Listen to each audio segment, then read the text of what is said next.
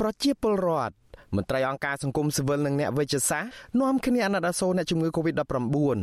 ដែលគេទុកចោលឲ្យសម្រាននៅលើស្មៅនៅក្នុងស្តាតអូឡ িম্প ិកហាលទឹកសន្សើមហាលខ្យល់ដោយសារតែអាជ្ញាធរមានសមត្ថកិច្ចមិនអនុញ្ញាតឲ្យពួកគាត់ចូលទៅសម្រាកនៅក្នុងកន្លែងព្យាបាលកាលពីយប់ថ្ងៃទី3ខែឧសភាពលរដ្ឋម្នាក់រស់នៅភូមិតពាំងថ្លឹងខណ្ឌពោធិ៍សែនជ័យលោកយឿងធីយុទ្ធដែលតំបន់របស់លោករងការបិទគប់ថាលោកនៅក្នុងផ្ទះចំនួន1ខែមកហើយហើយលោកខ្លាចរអានៅក្នុងការទៅព្យាបាលជំងឺ Covid-19 ក្រោយដឹងថាមានអ្នកជំងឺជាច្រើនត្រូវគេដឹកយកទៅទុកចោលនៅក្នុងស្តាតអូឡ িম্প ិកនិងគេមិនអនុញ្ញាតឲ្យចូលទៅសម្រាកព្យាបាលត្រឹមត្រូវបែបនេះលោកស្នើសុំឲ្យក្រសួងសុខាភិបាលរៀបចំកែលម្អស្ថានភាពនេះឡើងវិញបើមិនដូច្នេះទេលោកស្នើឲ្យទុកប្រជាពលរដ្ឋឲ្យពួកគាត់នៅសម្រាប់ព្យាបាលនៅក្នុងផ្ទះគឺល្អជាងដឹកពួកគាត់យកទៅទុកចោលឲ្យសម្រាននៅលើស្មៅហាលសន្សើមនិងហាលខ្យល់បែបនេះ បារម្ភណាស់និយាយទៅទៅតែបើកប្រទេសវិញក៏មិនទាន់សុបាយចិត្តថានឹងមានថាវាឆ្លាស់មកឆ្លាស់មាត់ហ៊ានចេញទៅថាឲ្យវាយកខ្លួនអញ្ចឹងនៅតែពេលតែបើកក៏បាទដូចដូចដើម កាលពីយប់ថ្ងៃទី3ខែឧសភាបុគ្គលិកសុខាភិបាលផ្នែកដឹកអ្នកជំងឺ Covid-19 បានថតវីដេអូផ្សាយផ្ទាល់តាមបណ្ដាញសង្គម Facebook ឃើញអ្នកជំងឺ20នាក់ដែលមិនបានចូលសម្រាប់ព្យាបាលនិងត្រូវនាំគ្នាសម្រានហាលសន្សើមនៅលើស្មៅក្នុងបរិវេណស្តាតពេញមួយយប់និងអត់បាយក្រហាយទឹកព្រោះគ្មានអ្នកយកចិត្តទុកដាក់ពួកគាត់ បុគ្គលិកពេទ្យរូបនោះថាខ្លួនជាមន្ត្រីតូចតាចស្មើនឹងអំបត្តិរបស់គេទេ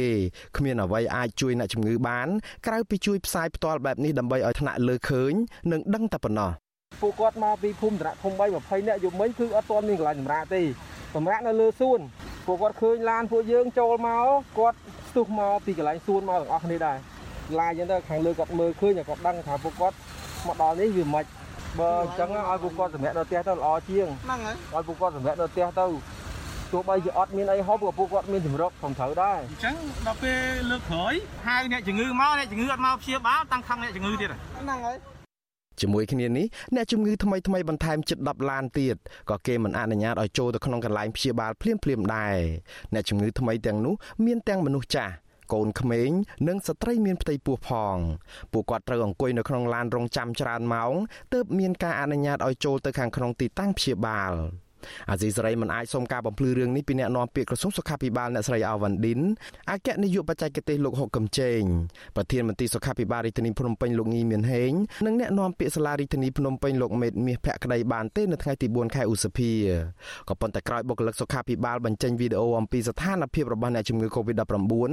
ដែលគេយកទៅទុកចោលនេះ ក្រសួងព័ត៌មាននៅថ្ងៃទី4ខែឧសភាណែនាំឲ្យបញ្ឈប់បន្ទាន់សកម្មភាពផ្សាយព័ត៌មាននិងយកព័ត៌មាននៅក្នុងតំបន់ក្រហម ជាពិសេសសកម្មភាពដេញតាមថតរថយន្តសង្គ្រោះបន្ទាន់និងផ្សាយផ្ទាល់បែបនេះក្រសួងថាការធ្វើដូច្នេះធ្វើឲ្យសាធារណជនមានការយល់ច្រឡំនិងបង្កភាពជ្រួលច្របល់នៅក្នុងសង្គម។ ជុំវិញការមិនយកចិត្តទុកដាក់លើអ្នកជំងឺ Covid-19 នេះអ្នកវិទ្យាសាស្ត្រសោកស្ដាយដែលរឿងបែបនេះនៅតែបន្តកើតមានឡើងប្រធានសមាគមគ្រូពេទ្យគុណធម៌កម្ពុជាលោកវិជ្ជបណ្ឌិតអ៊ូចវុធីសង្ស័យថាបុគ្គលមួយចំនួនឆ្លៀតឱកាសប្រព្រឹត្តអំពើពុករលួយនិងជំរុញឲ្យក្រសួងសុខាភិបាលស្រាវជ្រាវលើករណីនេះលោកលើកទឹកចិត្តឲ្យរដ្ឋាភិបាលដកមន្ត្រីអសមត្ថភាពទាំងនោះចេញនិងត្រូវយកអ្នកមានសមត្ថភាពគ្រប់វិស័យមកចូលរួមជួយទើបទប់ស្កាត់ការឆ្លងរីករាលដាលនៃជំងឺ Covid-19 នេះបាន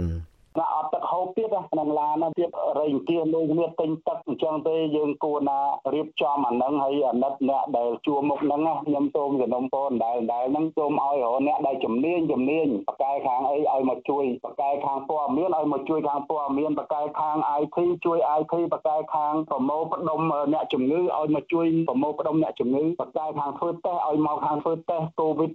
rapid test ហ្នឹងបាទអញ្ចឹងទេខ្ញុំឃើញដូចជាមើលទៅដូចជាច្របូកច្របល់វល់វែកនៅនឹងហើយមិនដឹងថា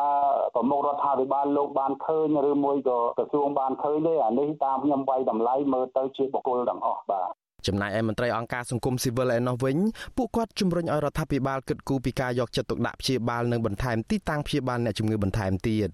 ប្រធានមជ្ឈមណ្ឌលប្រជាពលរដ្ឋដើម្បីអភិវឌ្ឍនិងសន្តិភាពលោកយងកំឯងយល់ថាក្រសួងសុខាភិបាលគួរតែសហការឬជួលទីតាំងមន្ទីរពេទ្យឯកជននិងត្រូវរៀបចំទីតាំងធំធំដែលស្ថិតនៅក្នុងតំបន់ក្រហមឬក៏តំបន់ប្រឈមឲ្យបានច្រើននៅក្នុងការព្យាបាលជំងឺ Covid-19 នេះ ជាសញ្ញាប្រកាសសតមួយថាជាបរិវត្តត្រូវតែមានការយកចិត្តទុកដាក់ហើយនឹងប្រុងប្រយ័ត្នបានខ្ពស់ថែមទៀតដែរបាទបើសិនជាចំនួននៃអ្នកឆ្លងកាន់តែច្រើនថែមទៀតវាអាចរកកន្លែងដាក់បានទាន់ណាបាទនេះជារឿងមួយសំខាន់ហើយម្យ៉ាងវិញទៀតក៏ការត្រៀមបំរុងរបស់យើងក៏ប្រហែលជាមិនអាចនឹងគ្រប់គ្រាន់ដើម្បីទទួលអ្នកជំងឺដែលកាន់តែច្រើនឡើងច្រើនឡើងពីមួយថ្ងៃទៅមួយថ្ងៃណាបាទនេះជារឿងមួយដែលជាកង្វល់មួយធំហើយក៏ការព្រួយបារម្ភពោះដែរបាទ ដោយសារតែអ្នកជំងឺ Covid-19 កើនឡើងខ្លាំងដែលដូចជាថ្ងៃទី4ខែឧសភានេះមានអ្នកជំងឺថ្មីរហូតដល់ជិត1000អ្នកនៅក្នុងមួយថ្ងៃមន្ទីរពេទ្យរដ្ឋអស់លទ្ធភាពនៅក្នុងការទទួលអ្នកជំងឺថ្មីនិងបានយកអាគាររោងការរោងចក្រ សន្តាគារនិងពហុកីឡដ្ឋានជាតិផង ធ្វើជាកន្លែងសម្រាប់ព្យាបាលអ្នកជំងឺ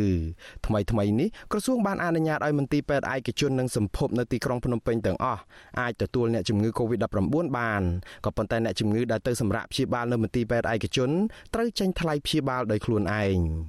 មន្ត្រីអង្គការសង្គមស៊ីវិលអ្នកវិទ្យាសាស្ត្រនិងអ្នកខ្លាំមើលសង្គមថាបរដ្ឋាភិបាលមិនព្រមជួយសម្រួលចេញថ្លៃព្យាបាលជំងឺនេះនៅតាមមន្ទីរពេទ្យឯកជននោះទេអ្នកជំងឺនឹងបន្តរត់ទៅមន្ទីរពេទ្យរដ្ឋដែលធ្វើឲ្យបន្ទុកនេះកាន់តែលំបាកនិងការប្រយុទ្ធប្រឆាំងជំងឺ Covid-19 នឹងមិនសូវមានប្រសិទ្ធភាពនោះឡើយខ្ញុំបាទមួងណារ៉េតវិទ្យុអាស៊ីសេរីប្រធានាធិបតី Washington